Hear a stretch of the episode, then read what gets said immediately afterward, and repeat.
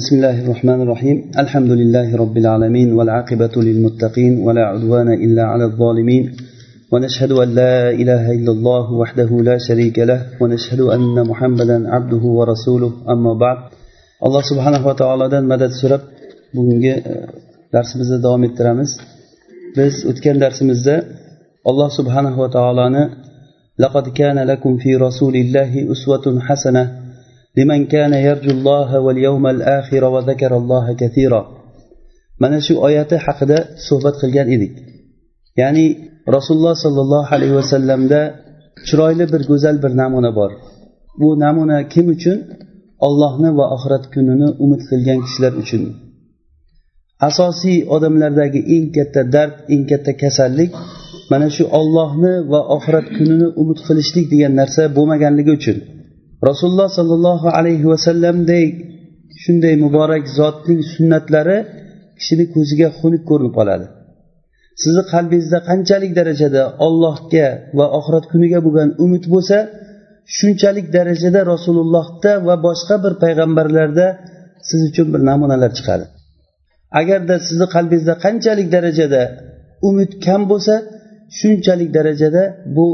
susayib ketaveradi mezon mana shu narsa mana shu narsa biz bilan sahobalar o'rtasidagi farqimiz mana shunda bo'ladi sahobalar rasululloh sollallohu alayhi vasallamni bir ishni qilayotganliklarini ko'rgan paytda hali qiylar deb aytmasdan turib ham ko'rgan zahoti rasululloh sollallohu alayhi vasallamga ergashib ketavergan bir kuni safarda rasululloh sollallohu alayhi vasallam namoz o'qidilar buxoriy rahimaulloh rivoyat qilgan hadisda namozda turgan joylarida oyoq kiyimini yechdilar sahobalar ham rasulullohni oyoq kiyimini yechganligini ko'rib hammalari birdaniga oyoq kiyimlarini yechishdi shunda rasululloh sollallohu alayhi vasallam namoz tugagandan keyin nimaga sizlar oyoqlaringni yechdilaring deb so'raganlarida aytishdiki ey rasululloh sizni oyoq kiyimingizni yechganligingizni ko'rib biz ham yechdik deyishdi nima uchun eshitdi ekan degan narsa ularni xayoliga ham kelmadi shunda rasululloh aytdilarki menga jibril vahiy qildi oyoq kiyimini ostida najas bor ekan shuning uchun yechib qo'ydim dedilar ya'ni rasululloh nima uchun yechganliklarini bayon qildi bu narsa sahobalarni rasulullohga qanchalik darajada ergashgan ekanliklarini nima uchun nimaga degan savol bo'lmasdi rasululloh sollallohu alayhi vasallam uzuk taqdilar tillodan sahobalar uzuk taqishdi rasululloh sollallohu alayhi vasallam uzukni chiqarib tashlab yuborgan paytda sahobalar uzuklarni yechib tashlashdi birga ey rasululloh nima uchun taqdingiz nimaga eshitdingiz degan savol bo'lmadi nimaga bu sabab nima uchun buni sababi ular ollohni va oxirat kunini umid qilishardi bir narsani bir sunnatni bir isbotlashlik uchun yoki farzni bir kishini bo'yniga qo'yishlik uchun qancha qancha da'vat qilib qancha tortishuvlardan keyin qabul qilgan iymonni qanaqa iymon deyishlik mumkin uni rasululloh aytdi degandan keyin to'g'riki endi rasululloh aytgan bilan baribir ham deb gap boshlanadi bu yoqda buni sirri mana shu narsa bizda ollohni va oxirat kunini umid qilishlik degan narsa bo'lmaganligi uchun va biz o'tgan darslarimizdan bir narsaga e'tibor qaratdikki ollohni va oxirat kunini umid qilishlik degan narsani paydo qilishlik yo'llarini aytib o'tdik va shulardan biri ollohni kunlarini eslatishlik edi alloh taolo ibrohim surasida muso alayhissalomga vahiy qilib aytadiki bani isroilga sen ollohni kunlarini eslat degan ollohni kunlarini eslat degan ollohni kunlari o'zi kunlar hammasi ollohniki lekin biz uchun esda qolarlik kun bo'lgan kunlarni alloh taolo ayyamulloh deb atadi ollohni shu dunyodagi kunlari asosan bu dunyodagi kunlar ikki xil bo'ladi yo xursandchilik bilan ne'mat bilan o'tgan kunlar yoki ollohni azobi bilan o'tgan kunlarni eslating bu narsa biz uchun katta bir dars qalbimiz uchun har bir odam o'zini o'tgan tarixiga qarasin nechi marotaba qanchalik alloh taolo sizga o'zini ne'matini bergan va shu ne'matda siz nimalar qilgansiz ollohni ne'matini eslashlik bilan odamda ollohga bo'lgan muhabbat paydo bo'ladi ollohni umid qilish paydo bo'ladi menga yordam beradigan robbim bor ekan degan tushuncha odamda paydo bo'ladi va o'z uz o'zidan umid bo'lgandan keyin rasululloh sollallohu alayhi vasallamga ergashadi odam bu voqelikka e'tibor berishlikka alloh taolo chaqirdi agar voqega qarashlikka bizni ko'zimizni oldini fitnalar qoplab qolgan bo'lsa shu bugungi kunda voqeda nima bo'layotganligini ko'rmay qolgan bo'lsak tarixga qarashlikka chaqirdi qancha joylarda qaramaysizlarmi biz o'tgan ummatlarni nimalar qildik qancha qancha qavmlarni biz halok qilib yubordik ba'zilarini yer yutib ketdi ba'zilarini ustilariga osmondan tosh yog'di nima sababdan bo'ldi bu narsa buni sababi ollohni sunnati ollohni qoidasi وتلك القرى أهلكناهم لما ظلموا وجعلنا لمهلكهم موعدا mana shu qishloqlarni biz halok qildik ular zulm qilganligi uchun halok qildik biz bu oldingi ummatlar zolim bo'lganligi uchun halok bo'lib biz agar zolim bo'lsak halok bo'lmaymiz deb ayta olamizmi agar unday bo'layotgan bo'lsa nimaga qur'onda oldingi ummatlar zolim bo'lganligi uchun alloh taolo halok qildi deb aytdi mana bu narsa bizga eng muhim bilishligimiz kerak bo'lgan narsa o'tgan darsimizda bu ma'no chala qoluvdi shuni sal to'ldirishlik uchun shu mavzuga yana qaytyapmiz biz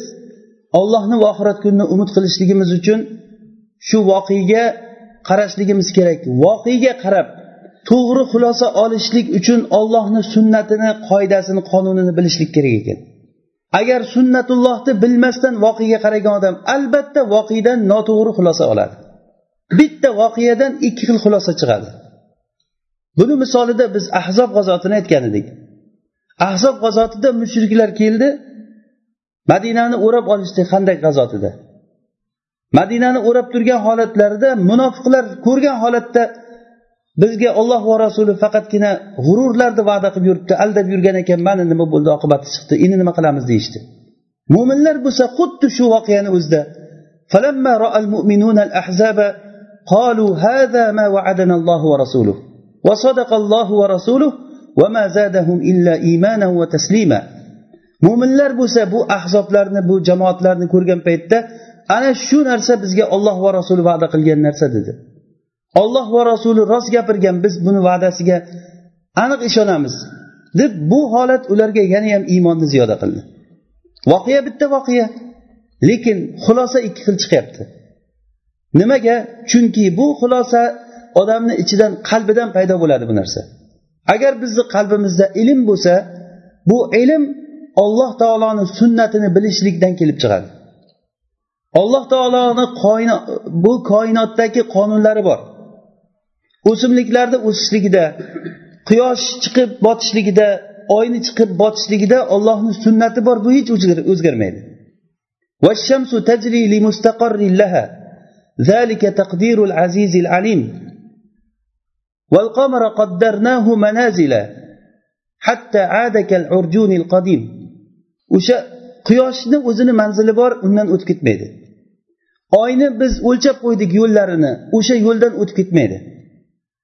olloh taolo chiq degan joydan chiqadi shu ollohni sunnatini bilganligimizdan taqvimlar mana bu kalendarlar chiqyaptiki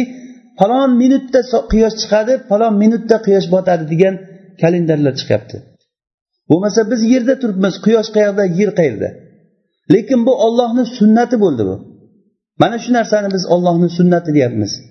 va xuddi shunday alloh taolo insonlarni hayoti uchun ham sunnatlar tuzib berdi bu sunnat xuddiki quyoshni chiqish botishligi o'zgarmagani kabi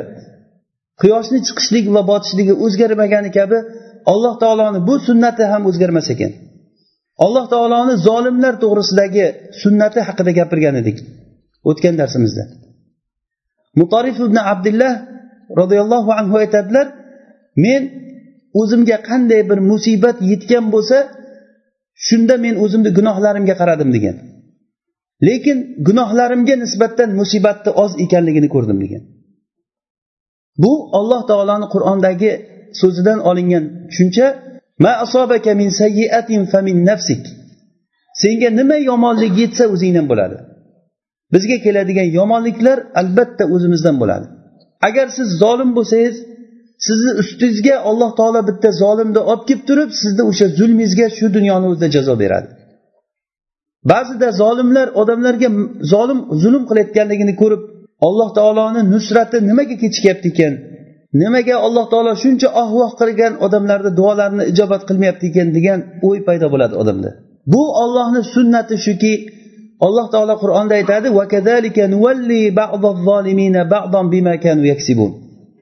biz ba'zi zolimlarni ba'zi zolimlarga voriy qilib qo'yamiz ustun qilib qo'yamiz ularni kasb qilgan narsalari uchun demak sizni ustingizda zulm qilayotgan odam ma'lum bir payt sizni ustingizda zulm qilib turishligi bu ollohni qonuni bu chunki siz o'sha zulmga loyiqsiz shu zulm agarda siz o'zingizdagi zulmni agar o'zgartirsangiz alloh taolo hech qachon mo'minlar ustida kofirlar uchun yo'l qilib qo'ymadi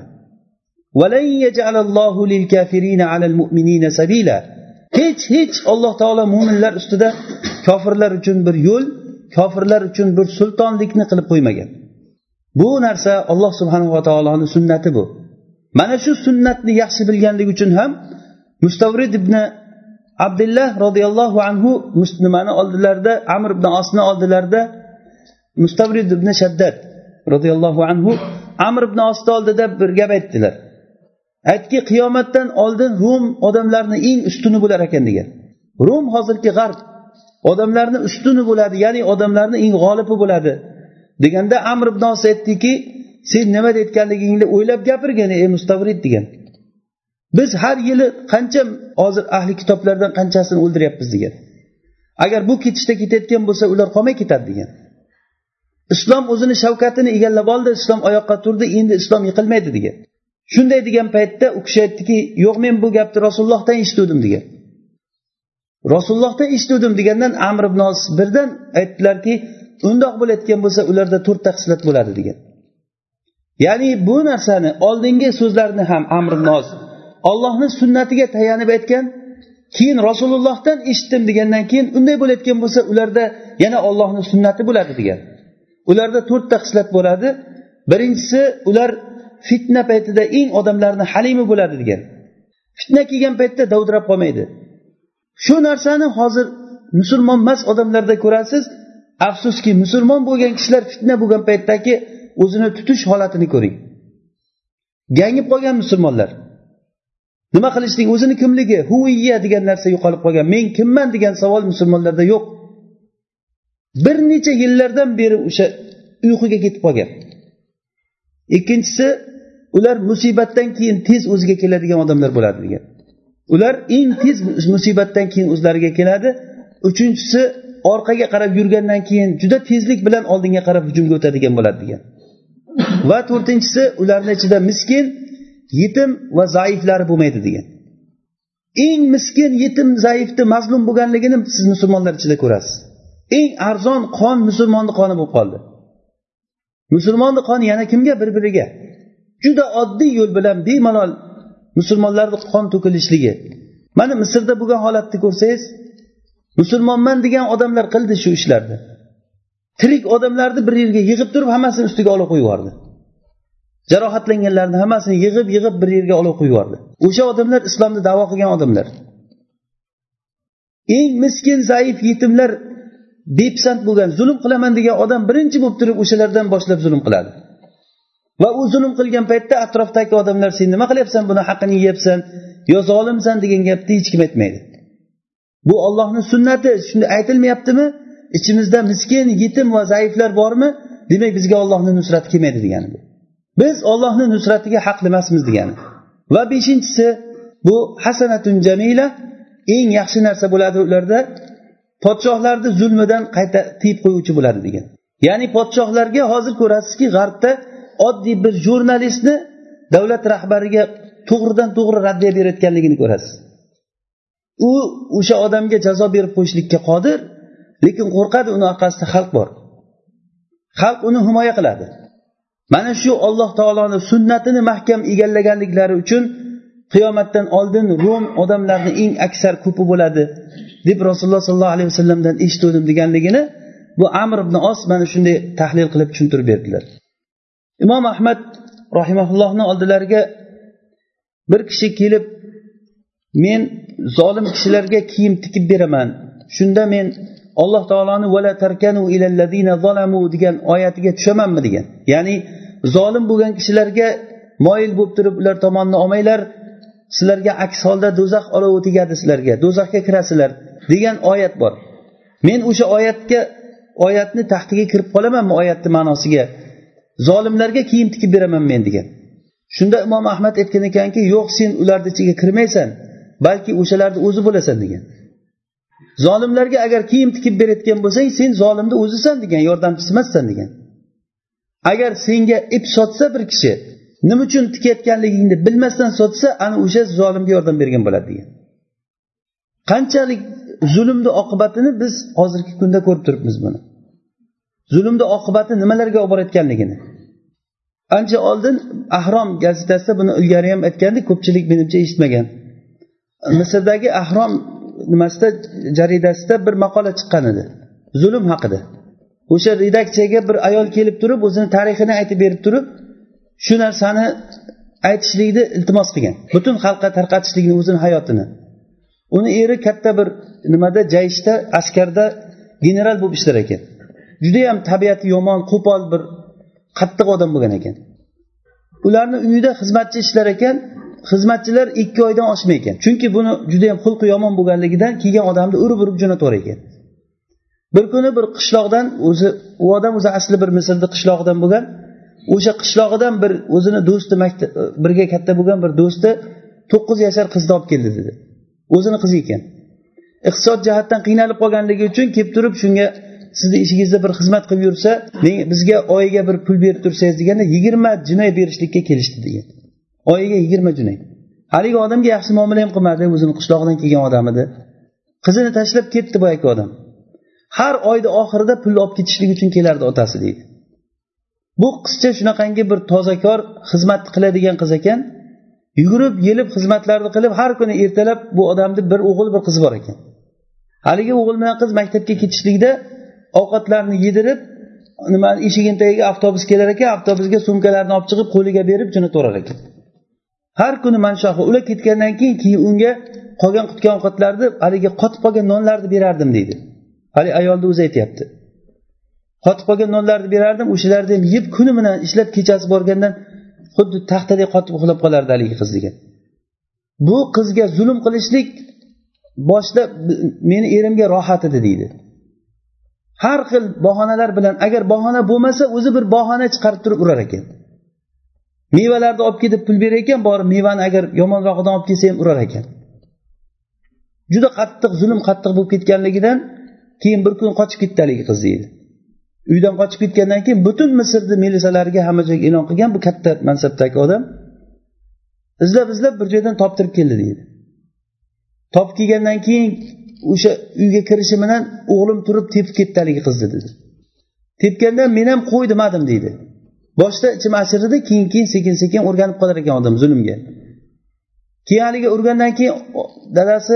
to'xta to'xta urmay tur bu yoqqa olib ketib olib keldida deydi bir apparati bor ekan o'sha bilan tok uladi deydi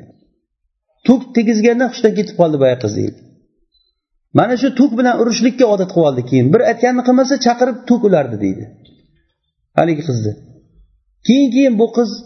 oldidan chiqqan narsalarni qo'lidan piyolalar tushib ketib sina boshladi har piyolani sindirganda urardi deydi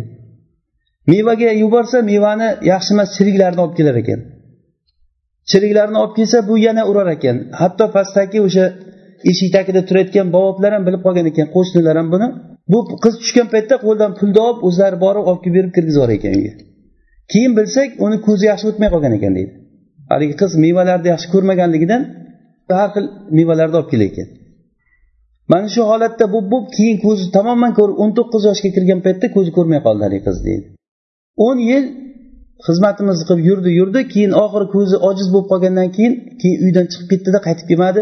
uni izlamadik ham chunki bizga u kerak emas edi degan u ketgandan keyin keyin ichimdan bir qiynalib qoldim shunga biz qattiq zulm qildik deb doim alloh taolo bizdan o'ch olsa kerak deb o'ylab yurardim degan lekin hayotimiz yaxshi edi o'g'lim katta bo'ldi qizimni turmushga berdik deydi o'g'lini bir mahallasidan bir qizni olib berdik o'g'limizga judayam er xotin yaxshi yashadi shu farzandli bo'ldi farzandi ko'r tug'ildi deydi olti oylik bo'lgandan keyin bildikki buni ko'zi ko'rmaydi doktorga olib borsa bu tabiiy ko'r o'zi deb bu ichimdan aniq bildimki alloh taolo bizdan o'ch oldi keyin yana ozroq vaqt o'tdi ozroq vaqtdan keyin keyin yana bular bolali bo'lishlikni xohladi doktorga borgan ekan doktor yo sizlarni o'rtalaringda qarindoshchilik hech qanaqangi aloqasi yo'q bu bir ollohni qadari deb farzand ko'rsalaring bo'ladi deb nima qildi ikkinchi farzandi ko'zi yaxshi bo'lib tug'ildi dedi keyin olti oydan keyin uni ham ko'zi ko'rib qoldi deydi o'z o'zidan ikkita farzandi ikkalasi ham ko'zi ko'r deydi bu arada haligi erim pensiyaga chiqdi dedi pensiyaga chiqqandan keyin buni hayoti biz uchun juda qamoqxonaga aylandi uyimiz deydi har kuni baqir chaqir janjal to'palang kuniga janjal uyda hatto shu janjal bo'la bo'la haligi odam ko'p asabiylashgandan tentak bo'lib qoldi erim deydi tentak bo'lib qolgandan keyin doktorga tentakxonaga berib yubordik hozir u tentakxonada yashayapti deydi eri tentakxonaga ketgan o'g'lini ikkita ko'r balasiga men hozir qarayapman deydi keyin oxiri haligi qizni esimga tushdidan keyin alloh taolo shuning uchun o'ch olgan bizdan deb shuni izlab bordim izlab izlab bir joyda masjidda yotgan ekan chunki otasi ham o'lgan edi uni borayotgan joyi ham yo'q ekan bir akasi bor ekan u ham urdunga ishlagani borgan qaytishlikda yo'lda avariya bo'lib turib akasi ham o'lgan edi shu bilan u bir masjidda yotgan ekan keyin borib iltimos qilib uyga olib keldim hozir o'shanga ham qarayapman o'zimni ikkita bolamni bolamni ikkita nevaram ko'r bolasi bor uchta ko'rga xizmat qilyapman deydi shuni iltimos qilib aytyaptiki shuni gazetaga meni hayotim bu tarqatinglar odamlar ibratlansin bundan ya'ni bu zulmni oqibati alloh taoloni sunnati shu ekanki zulm shu dunyoda u qaytadigan narsa bo'ladi xuddi shu qoidani alloh taolo qur'onda aytadiki ahlaknahum lamma zolamu mana shu qishloqlarni biz halok qildik nima uchun zulm qilganligi uchun ularni ayni ular zulm qilganligi uchun biz ularni halok qildik agar sizlarda mana shu zulm topilayotgan bo'lsa menga bu zulm yetmaydi degan narsa xayolingizga ham kelmasin agar xayolingizga kelsa siz johil odam bo'lasiz ollohni sunnatiga ishonmagan odam bo'lasiz quyoshni mashriqdan chiqib mag'ribga botishligiga ishonasiz lekin alloh taoloni zolimlardagi sunnatiga bizni ilmimiz yetib bormaydi ko'zimizni oldini nimalar qoplab qoladi hammamiz ko'ramiz bir daraxtni mevasi pishib tagiga tushganligini bitta meva pishib tagiga tushishlik uchun ollohni qancha sunnati u yerda xizmat qiladi qancha quyosh kerak unga qancha sharoit kerak unga mana shundagi sharoitni butun dunyo tan oladi bitta mevani daraxtdan tushishligi ana shu meva pishib daraxtni tagiga tushishligi uchun qancha narsalar kerak bo'lgan bo'lsa hammasi olloh subhanahu va taoloni irodasi va xohishi bilan bo'layotgan bo'lsa ummatlarni ko'tarilishlik va tushishligi ollohni qonunida xuddi shu mevani tushishligidan boshqa narsa emas ummatlar butun azizlikdan xorlikka tushib ketishligi mana shu mevani daraxtni ustidan tushishligidan boshqa narsa emas bu bir robboniy ollohni qonuni bilan ishlayotgan narsa bu bu narsani agar inkor qilayotgan bo'lsak biz johil ollohni sunnatini tan olmagan odam bo'lamiz oddiy narsa bu hammamiz tan oladigan narsa lekin nima uchun ollohni koinotdagi qonunlarini tan olamizu o'zimizga tegishli bo'lgan qonunlarni biz tan olmaymiz bu qonunlar ollohni qonunlari sunnatlari qur'onda ba'zi joyda alloh taolo ochiq bu ollohni sunnati deb ochiq aytdi sunnatallohi fil min qabl ولن تجد لسنة bu ollohni sunnati bu hech o'zgarmaydigan narsa bu hech o'zgarmaydi ollohni shahodati bu zolimlar albatta halok bo'lishligi hech o'zgarmaydigan qonun xotirjam bo'ling bu narsaga bunga jafar baromikiyni misol qilgandik o'tgan darsimizda baromikalar qanchalik darajada boyib qanchalik darajada kuchayib ketib oxiri horun rashidni o'zi ularni bitta qoldirmay qirib o'ldirdi nima uchunligini hech kim bilmaydi uni sababini ulardan bir shayxidan katta yoshi katta kishidan nima sababdan sizlarga bunchalik kulfat keldi deganda bilmadimu lekin bu zulm bo'lsa kerak degan bir zolimni biz zulm qilganmiz ko'p odamlarga mazlum kishi bir duo qilgan bo'lsa alloh taolo ijobat qilgan biz xotirjam uxlagan paytimizda u mazlumni duosi ijobat bo'lgan bo'lsa kerak degan haqiqatda alloh taolo har bir qilgan ishni behudaga bekorga bo'lmaydi bu narsa oddiy daraxtni bir mevasi pishib tagiga tushishligi qanchalik darajada ollohni sunnati ollohni qonuni bilan bo'layotgan bo'lsa bizni hayotimizda bo'layotgan ishlar xuddi shunday to'g'rima to'g'ri mana shunday ollohni sunnati bilan bo'ladi biror bir davlat azizlik cho'qqisiga chiqmadi va xorlikni eng tubanligiga tushmadi illo mana shu olloh taoloni sunnati bilan bo'ldi bizni ummat ko'tarilgan paytda ollohni sunnati bilan ko'tarildi va butun ummatni oyog'ini tagiga tushib hozirgi kundagidek xor bo'lgan paytda ollohni sunnati bilan xor bo'ldi bu alloh taoloni sunnatlaridan biri alloh taolo aytadiki agar kofirlar sizlarga qarshi urushadigan bo'lsa orqaga qarab qochadi degan bu ollohni sunnati bu qachoniki urush bo'lsa bo'ldi boshlansa bo'ldi orqaga qarab qochadi degani bu lekin bu narsaga sunnatga ishonmagan odamlar u narsada qanday bo'ladi qanday bo'lishi mumkin emas bunday degan narsalar xayolimizga keladi ayni shu voqeani buni biz kecha darsimizda ham aytgandik ayni shu voqeani muso alayhissalomni bani isroil bilan bo'lgan voqeasida bani isroilni ko'zini o'ngida fir'avn va uni askarlarini dengizni ichiga alloh taolo shunday qilib yubordi dengizni yana ularni xayoliga ham bo'lgan narsa emas bu dengizdan avval ular o'tdi o'zlari haqiqatan va ularni o'rniga fir'avn shunday tushgan paytda ko'zini oldida dengizga alloh taolo g'arq qildi ollohni qudrati alloh taolo xohlasa hammasini yig'ib zolimlarni bir joyga to'dalab turib shunday o'zini oyog'i bilan kelib turib o'zini oyog'i bilan qaysi aql bilan shu dengizni tagiga tushasan ko'rmayapsanmi musoni bu mo'jizasi bilan bo'lyapti bu narsa alloh taoloni mo'jizasi bilan musoga bergan degan narsani ularni aqlidan alloh taolo olib qo'ydi fir'avnga ergashib turib orqasidan kirdi fir'avn ularni shu dunyosini ham oxiratini ham kuydirdi ularni ko'zini oldida bani isroilni ko'zini oldida halok bo'lgandan keyin alloh taolo ularga aytdiki bani isroilga sizlar mana bu qishloqqa kiringlar dedi bu qishloqda jabbor bir baquvvat baquvvat odamlar bo'lgan alloh taolo aytdiki sizlar kiringlar kirsanglar bo'ldi qochib ketadi hammasi dedi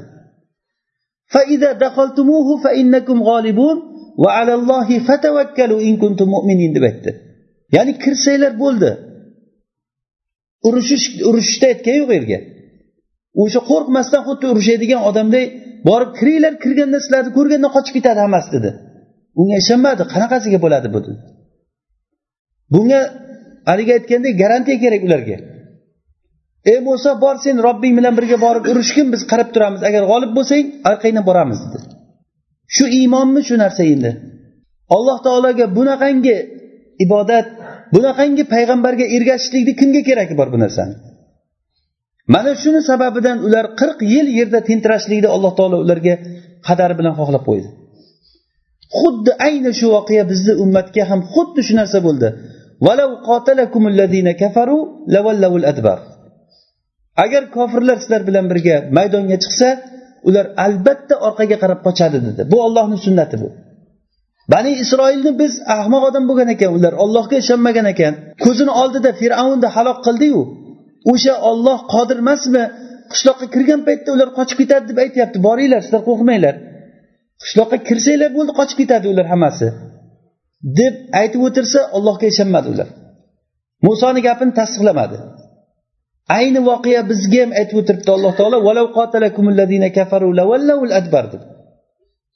demak alloh taoloni sunnati o'zgarmaydigan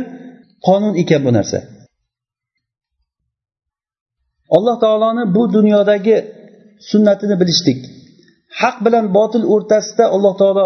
haq egalariga yordam berishligini sunnatini bilishligimiz alloh taoloni zolimlardan o'ch olishdagi sunnatini bilishligimiz hozir biz ollohni sunnatini bitta bitta o'rganib chiqishlikka misollar keltiryapmiz bu misollar bizga qoidani yana ham mustahkamlashtiradi yana ham takrorlab olsak agar bu sunnatlarda aytishlikdan maqsad ollohni umid qilish paydo bo'ladi sunnatni ko'rsa sunnat deganda alloh taoloni qiladigan ishi bu o'zgarmaydigan bir qonun qoida ekan mana bu narsani bilgan kishi o'z o'zidan ollohni umid qilib ollohni savobini umid qilib balki rasululloh sollallohu alayhi vasallamni yaxshi ko'rib o'z uz o'zidan ergashadi mana shu sir shunda berdi nimaga biz rasulullohga ergasholmaymiz chunki bizda ollohni va oxirat kunini umid qilishlik juda ham sus balki olloh asrasin ba'zi odamlarda u narsa tamoman yo'qolib ketgan yana biz bilishligimiz kerak bo'lgan qoidalardan muhim bir qoida bu olloh subhanava taolo bu buyurgan buyruqlariga vaqtida amal qilishligini alloh taolo yaxshi ko'radi bu ollohni sunnati bu agar shu vaqtni o'zida amal qilinmasa u ketib bo'lgandan keyin haligi sayil o'tib bo'lgandan keyin bayram qilishligingizni hech ahamiyati bo'lmaydi kulgulik bir holatga aylanib qoladi bu agar bir necha barobar ziyoda qilib bajarsangiz ham uhud jangida rasululloh sollallohu alayhi vasallamni o'zlari yolg'iz qolib ketgan paytlarida oldida turib himoya qilgan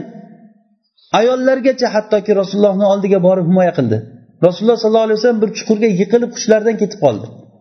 mana bu holatni ko'rgan ayollar o'zlarini tashlagan mushriklarni ustiga borib rasulullohga bir narsa qilmasin deb mana shu holatdagi ayollarni jasorati undan keyin bir necha ming kofirlarni o'ldirgan odamlarni jasoratidan ko'ra o'sha holatda qilingan ish afzal bo'lib ketmaydimi abu bakr roziyallohu anhu va umarni islomni eng muhtoj bo'lib turgan paytda islomga qilgan ko'maklari ularni odamlar rasululloh sollallohu alayhi vasallamni yolg'onchi deb turgan paytda abu bakr siddiq nomini olib rasulullohni tasdiqlaganligi makkada musulmonlar zaif bo'lgan paytda rasulullohga ergashgan odamlar o'sha paytda rasulullohga o'zlarini fido qilib mollariyu jonlarini rasulullohni oldiga qo'yib qo'ygan odamlar hech qachon ulardan keyingi odamlar bilan ular teng bo'lmaydi xuddi shu masalani alloh taolo qur'onda لا يستوي منكم من أنفق من قبل الفتح وقاتل أولئك أعظم درجة من الذين أنفقوا من بعد وقاتلوا وكلا وعد al-husna ya'ni fathdan oldin makka fathidan oldin dinga yordam bergan moli bilan joni bilan dinga yordam bergan odamlar makka fathidan keyin yordam bergan odamlardek bo'lmaydi albatta demak alloh subhanava taolo bizlardan xohlagan narsa ollohni buyrug'ini vaqtida bajarishlik bo'ladi islom g'arib bo'lgan paytda siz yordam bermasangiz xuddi bani isroil bor sen robbing bilan borib urushgin agar g'olib bo'lsanglar biz ham borib qo'shilib ketamiz degan gapimizga o'xshamaydimi bu narsa islom g'arib bo'lib turgan paytda rasululloh sollallohu alayhi vasallam uhud jangida musulmonlar bir ahvolda rasulullohni boshlari yorilgan yuzlari qonagan tishlari singan holatda sahobalar juda ham charchagan qancha shahidlar bo'lgan zo'rg'a ular chekinib uhud tog'ini ustiga chiqib olishgan uhud tog'ini ustida turgan paytlarida abu sufyon u paytda kofir bo'lgan abu sufyon keyin kelib turib rasulullohga moddiy g'alabadan keyin bir ma'naviy g'alaba bo'lishligi uchun olu hubal degan olu hubal deb baqirgan ya'ni hubal bu ularni olihasini ismi hubal oliy bo'lsin deb turib baqirgan shunda rasululloh sollallohu alayhi vasallam ashoblariga javob bermaysizlarmi dedilar nima deb javob beraylik ey rasululloh deganda aytdilarki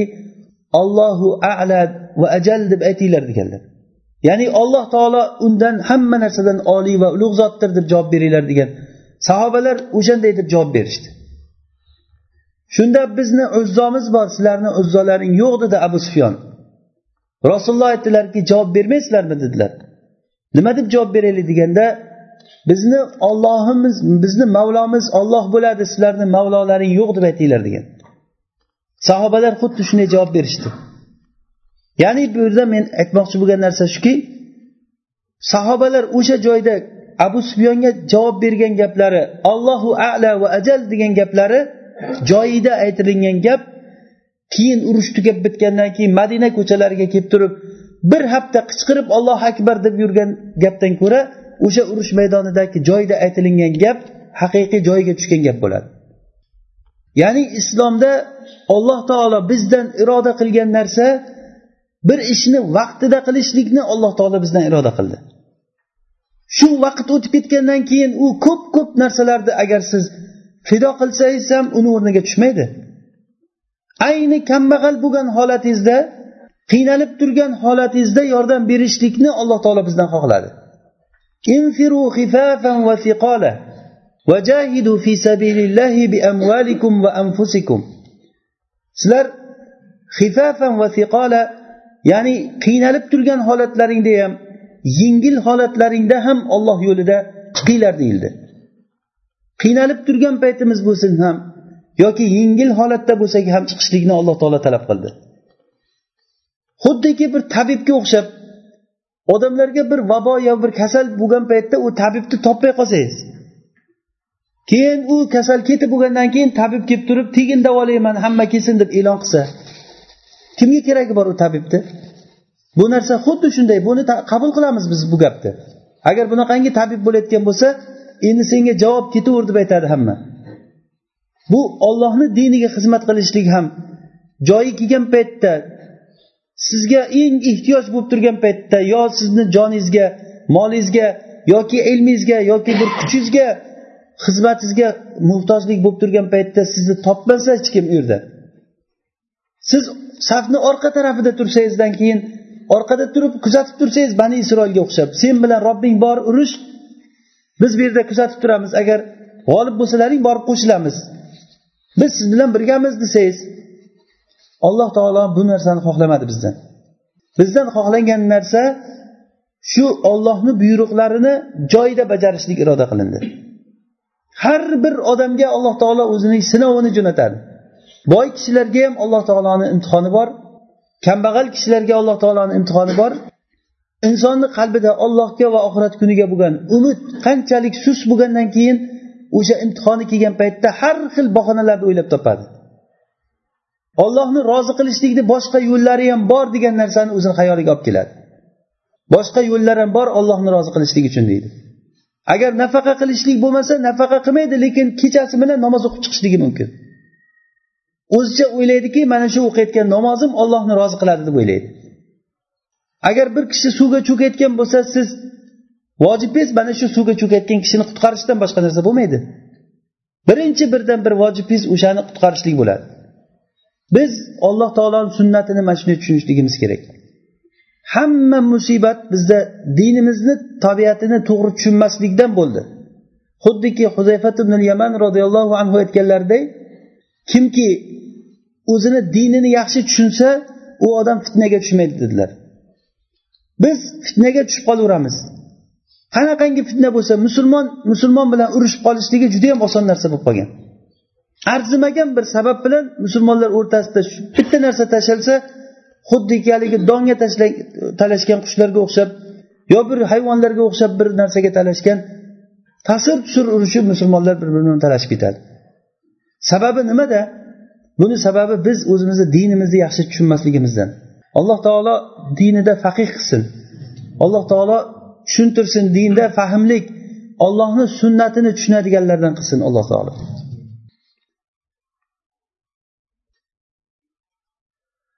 yana bir muhim narsa bu mavzumizga tegishli bilishimiz kerak bo'lgan narsa sabab bilan musabbab degan narsani biz hozir darslarimizda takror takror aytyapmiz sabab bilan musabbab ya'ni buni oddiylashtirib aytsak masalan bir shisha idishni tepadan pastga qarab tashlasangiz shu sinadi temir yo bir betonni ustiga tashlasangiz sinadi shu tashlashlik sabab bo'ladi sinishligi musabbab natija bo'ladi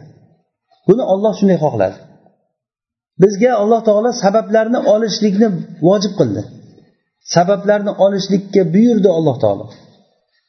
sabablarni olishlikka buyurdi hozir biz sabablar to'g'risida gapirdik lekin muhim narsa biz e'tiqodimiz bilan qattiq e'tiqod qilib ishonishligimiz kerakki sabablarni ham musabbabni ham natijani ham yaratuvchi ollohni o'zi bo'ladi sababni shart ya'ni bir sabab bo'lsa albatta uni natijasi albatta chiqadimi yo beilnillah chiqadimi buni misoli ibrohim alayhissalomni o'tga tashlagan paytda kuymadi nima uchun alloh taolo izn bermaganligi uchun shuning uchun bir narsani bilamizki sabab bilan musabbabni o'rtasida ollohni vakolati bor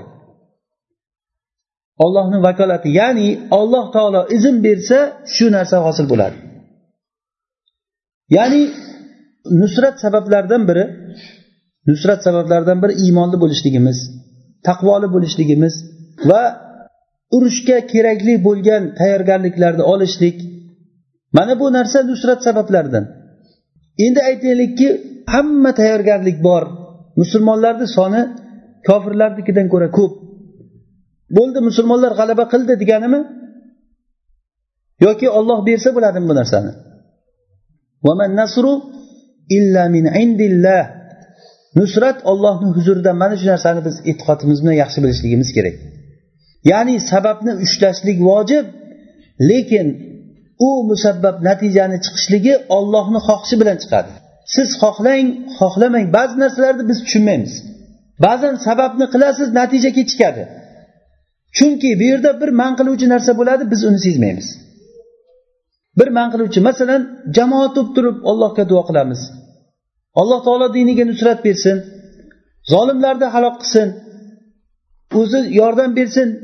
deb turib duo qilib hammamiz amin deymiz duomiz ijobat bo'lmaydi nega chunki bu yerda bir man qiluvchi sabablar bo'ladi biz uni bilmaymiz uni duoyingiz ijobat bo'lmayaptimi demak bilingki sizda bir muammo bor o'zizda xuddiki turbani bir tomondan suv ulasangiz narigi tomondan suv chiqmasa bu nima degani bu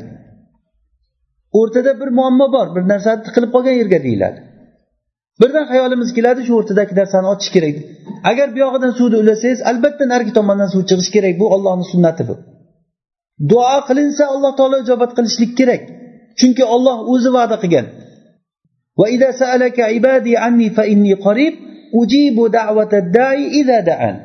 agar menga duo qilsa duo qiluvchini duosini ijobat qilaman degan lekin ba'zi bir sabablarga ko'ra mana shu sababni natijasi kechikishligi mumkin mana shuning uchun biz e'tiqod qilamizki sabablarni qilamiz vojib lekin natijani chiqarishlik bu ollohni qo'lida deb e'tiqod qilishligimiz kerak yana buni sharhlasak masalan rasululloh sollallohu alayhi vasallam aytdilarki la adva deganlar yuqish yo'q ya'ni kasalni bir bir odamdan ikkinchi odamga kasal yuqishi yo'q dedilar shunda bir sahoba aytdiki rasululloh meni bir tuyalarim bo'ladi xuddiki kiyiklardan yaltiragan tuyalarim bo'ladi keyin boshqa bir qo'tir bosgan tuyani olib kelib qo'shib yuborsam hammasini qo'tir bosib ketadi siz yo'qish yo'q deyapsiz yuqib ketadi ana shunday deganda rasululloh aytdilarki bo'lmasa birinchi qo'tir bosgan tuyaga qayerdan kelgan qo'tir dedilar u birinchisiga qayerdan keldi olloh berdimi birinchisiga demak birinchisiga olloh berib ikkinchisiga bu tuyadan o'tgan bo'ladimi qoida bitta bo'ladi birinchisiga olloh berdimi bunisiga ham olloh bergan bo'ladi demak yuqish yo'q degan narsa bizni e'tiqodimizda yuqish yo'q olloh beradi hammasi deb e'tiqod qilamiz lekin rasululloh sollallohu alayhi vasallam o'zlari aytdilarki mahov kishidan xuddi sherdan qochganday qoch deganlar mahov kishidan xuddiki yirtqich hayvonday sherdan qochganday qoch degan buni jamlashlik uchun agarda masalan bir odam bir mahov kishini yonida o'tirib birga ovqat yesada shu mahovlik bunga bunga ham bir mahov kasali bo'lib qolsa olloh asrasin azakumulloh o'shanday bo'lib qolsa agar shu odam kimdan ko'radi shu maxovni oldiga boruvdim shundan bo'ldi deydimi albatta ichida shu narsa o'tadi mana shu noto'g'ri aqida kelib qolmasligi uchun uni oldiga bormasin degani endi siz agar masalan bir kishi bir kasalda ko'rdi o'sha kasal yuqib qolmasin deb qochdingiz qochuvdi ham o'sha odamga kasal yuqib qolsa kimdan ko'radi ollohdan ko'radimi olloh menga kasal berdi deydi agarda o'sha kasalni yonida yurib agar kasal bo'lib qolsa kimdan ko'radi bu kasalni yoniga keluvdim shundan kasal yuqib qoldi deydi noto'g'ri tushuncha odamni qalbida bo'lib qoladi mana shu tushunchanidan saqlanishlik uchun sabablarni ushlashlik uchun biz sabablarni ushlaymiz lekin natijani olloh subhanava taoloni o'zi beradi bu biz uchun juda muhim bir nuqta bilib olishligimiz kerak biz sabablarga suyanmasligimiz kerak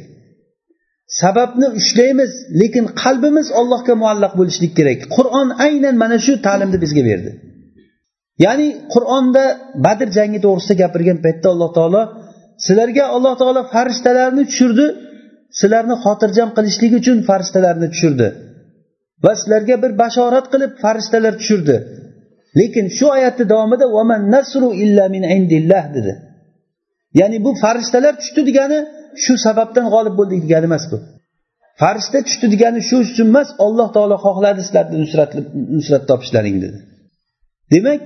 biz mana shu narsani yaxshi bilishligimiz kerak nusrat bu ollohni qo'lidagi narsa biz hech qachon sababga suyanmasligimiz kerak shunda siz o'zingizni o'zingiz tarbiyalang shu narsaga o'rgatishlik kerak hech qachon shaxslarga suyanmaslikka o'rganishlik kerak agar qalbingizda shu shaxsga nisbatan suyanish bo'ldimi siz bilingki ziyon sizga o'sha shaxs tarafidan keladi ziyon sizga o'sha odam tarafidan keladi birinchi o'rinda masalan siz bozorga bordingiz bir narsa sotib olmoqchisiz bir kishidan olasiz bir meva sotuvchi bo'lsa o'shandan bir narsa yaxshiroq narsa bersa sizga bir marta borasiz ikkinchi safar borsangiz ikkinchi marta ham o'shandan olasiz uch to'rt besh bo'lavergandan keyin qachon bozorga borsangiz o'sha odamni izlaysiz o'sha bo'lsa xotirjam borib menga bir ikkila mevangizdan bering deysiz u ham solib solib beradi qassobniki ham xuddi shunday boshqa sizga haligi mijoz bo'lib qolganingizdan keyin shu o'rganib qolinadi endi bir kun borsangiz o'sha odamingiz yo'q birdan xayolingizga kelgan narsa bugun men yaxshi meva ololmas ekanman degan narsa xayolingizga keladi tanishim chiqmabdida bugun deysiz yoki tanish qassobim yo'q ekanda go'sht olmoqchi edim yaxshi go'sht ololmas ekanman degan xayolingizga keladi mana shu ham qaysidir ma'noda shu maslahat ya'ni foyda shu shaxsdan kelyapti degan narsa odam xayoliga kelib qoladi siz qayerdan bilasiz balkim undan boshqasiga borsangiz menga klient bo'lsin deb undan ham yaxshi qilib berar u yana kelsin meni oldimga deb to'g'rimi demak bu mana shu narsa shaxslarga suyanish degan narsa sabablarga suyanish degan narsa bizda bu narsa bo'lmasligi kerak ayni kofirlarda buni anasi sabablarni mahkam ushlagan kofirlarda hozirgi kunda ular masalan musulmonlardan ustunlik qilyapti nima uchun sabablarni ushlaganligi uchun deyapmiz lekin musulmonlardan farqli joyi ularni ular sabablarga sig'inadi ular sabab kuchli bo'lgan paytda o'zini g'ururli tutadi kalla innal insana ya'ni inson o'zini o'zi tug'yonga ketadi inson o'zini o'zi boy deb ko'rib qolgan paytda nima sababdan o'zini behojat deb o'ylaganligi uchun demak behojat deb ko'rishligi o'zini bu sababga suyanganligidan bo'ldi menga hech narsa kerak emas degan narsa xayoliga kelib qoladi shuning uchun o'sha aqida noto'g'ri aqida borligi uchun ham alloh taolo qur'onda u odam ma ag'da anhu maluhu iza taradda degan ya'ni u odam halok bo'lgan paytda uni moli foyda berolmadi degan zolimni halok bo'lganligini ko'radi odam va o'zi ham zulm qilaveradi sababi buni moli borligi uchun moliga suyanib qiladi odam ayni shu molga suyanganligi uchun ham alloh taolo aytyaptiki uni moli dunyosi uni foyda berolmadi u halok bo'lgan paytda u halok bo'lganda yoki u o'lganda demayapti alloh taolo tarodda deyapti tarodda degani arab tilida yuqoridan pastga qarab qulab ketish degani jardan tog'dan pastga qarab qulagan odamni arab tilida tarodda deydi go'yoki ollohni sunnatiga to'g'ri kelib qolgan odam xuddiki tepadan pastga qarab qulagan odamdek bo'ladi nima o'ziga o'zi qarshilik ko'rsata oladi o'sha odam yuqoridan pastga qulagan odam nima qila oladi tamom u qulaydi ana shunday halok bo'lgan paytda uni moli dunyosi foyda bermadi dedi alloh taolo aksarimiz o'sha moli dunyoga sig'inish yoki bo'lmasa moli dunyoga to'la sig'inmasa ham moli dunyoga suyanishlik qalb o'shanga muallaq bo'lib qolishligi bor ayni shu ma'noni yo'qotishlik qur'onda bizda davolari kelgan qaysi joyga qarang qur'onda sabablarni ushlashlikka buyurgandan keyin alloh taologa bog'liq ekanligini alloh taolo albatta o'shandan keyin qalbni mustahkamlab qo'yadi buni misoli rasululloh sollallohu alayhi vasallam g'orga borgan paytlarida abu bakr bilan g'orda o'tirgan paytlarida mushriklar aynan rasululloh o'tirgan joyda topib borishdi rasululloh sollallohu alayhi vasallam hijrat qilishlik uchun sabablarni yuzga yuz oldilar juda qattiq ehtiyotni oldilar shu ehtiyotni olganlariga qaramasdan baribir kofirlar orqadan topib bordi lekin shuncha qilgan ishimiz bekor bo'lib ketdi degan narsa hayollariga keldimi rasulullohni abu bakr islomga ichi achiganligidan kelajakka ichi achiganligidan mushriklar kelib turganligini ko'rib yig'ladi o'sha yerda shunda rasululloh sollallohu alayhi vasallam aytdilarki la tahzan innalloha maana degan xafa bo'lmang alloh taolo biz bilan birga degan ollohni maiyati bizga doim mana shu narsaga o'rganishligimiz kerak inson olloh bilan bo'lishligini ollohga suyanishligini buni o'zini sekin sekin kichik kichik kichik narsalardan o'rganib o'rganib inson bir darajagacha chiqadi agar sabablarga suyanayotgan bo'lsangiz sizni halokingiz mana shu joydan bo'ladi biz bu darsni qilishligimizdan maqsad bir foyda olishlik o'zimizga bir manhajni ilmni to'g'irlashlik uchun o'rganamiz mana shu narsani biz o'rganishligimiz kerak ya'ni sabablarga suyanishlik degan narsa bo'lmasligi kerak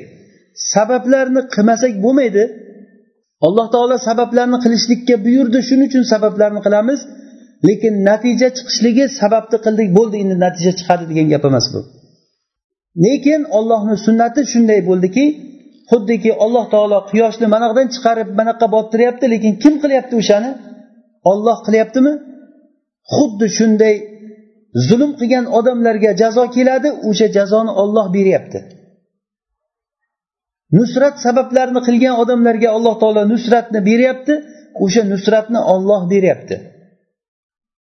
فأما من أعطى واتقى وصدق بالحسنى فسنيسره لليسرى kimki olloh yo'lida nafaqa qilsa va taqvo qilsa va soddaqa bil husna va oxiratni jannatni tasdiqlasa qiyomatni umid qilib qilsa mana bu sabablarni olish degani bu mana shu sabablarni qilsa alloh taolo bo'ldi natija chiqadi dedimi fasanu yassiruhu biz uni muvaffaq qilamiz deyapti mana bu aqida bu demak biz sabablarni ushlashlik bizdan ammo natijani bo'lishligi bu alloh taolodan bo'ladi sabablarni ushlaymiz olloh buyurganligi uchun ammo natijani sabablarni qilganligimiz uchun bo'ldi bu narsa siz boyidingiz ko'p ishlaganligingiz uchunmi yo ollohni fazli bilan bo'ldimi bu narsa agarda siz ishlaganligingiz uchun boyigan bo'lsangiz sizdan ko'ra qancha qancha ko'p ishlagan odamlar bor bu yerda agar aqlim yaxshi deyotgan bo'lsangiz sizdan ko'ra aqlli odamlar bor qancha lekin alloh taolo o'zi kimga nima berishligini o'zi biladi xulosa shu bizga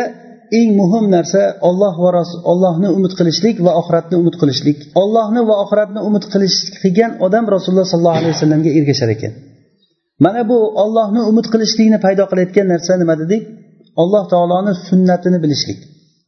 ya'ni voqega qarashligimiz voqega ollohni sunnati orqali qaramasak to'g'ri natija chiqmaydi mana shu bobdan biz alloh taoloni ne'matlarini qanchalik berganligini va zolimlarga mujrimlarga alloh taolo qanday o'ch olganligini qanday oldingi ummatlar halok bo'lib ketdi bu narsalarni sabablarini biz o'rganib o'sha narsalar o'zimizda bo'lmasligiga harakat qilishligimiz o'tgan kunlarni tarixlarni o'qishligimiz bizga ollohni ollohga bo'lgan umidni paydo qiladi ollohga bo'lgan umid paydo bo'lsa albatta rasululloh sollallohu alayhi vasallamga ergashishlik bizda o'z uz o'zidan kelib chiqadi rasululloh sollallohu alayhi vasallamda katta bir go'zal bir chiroyli namunalar bor kim uchun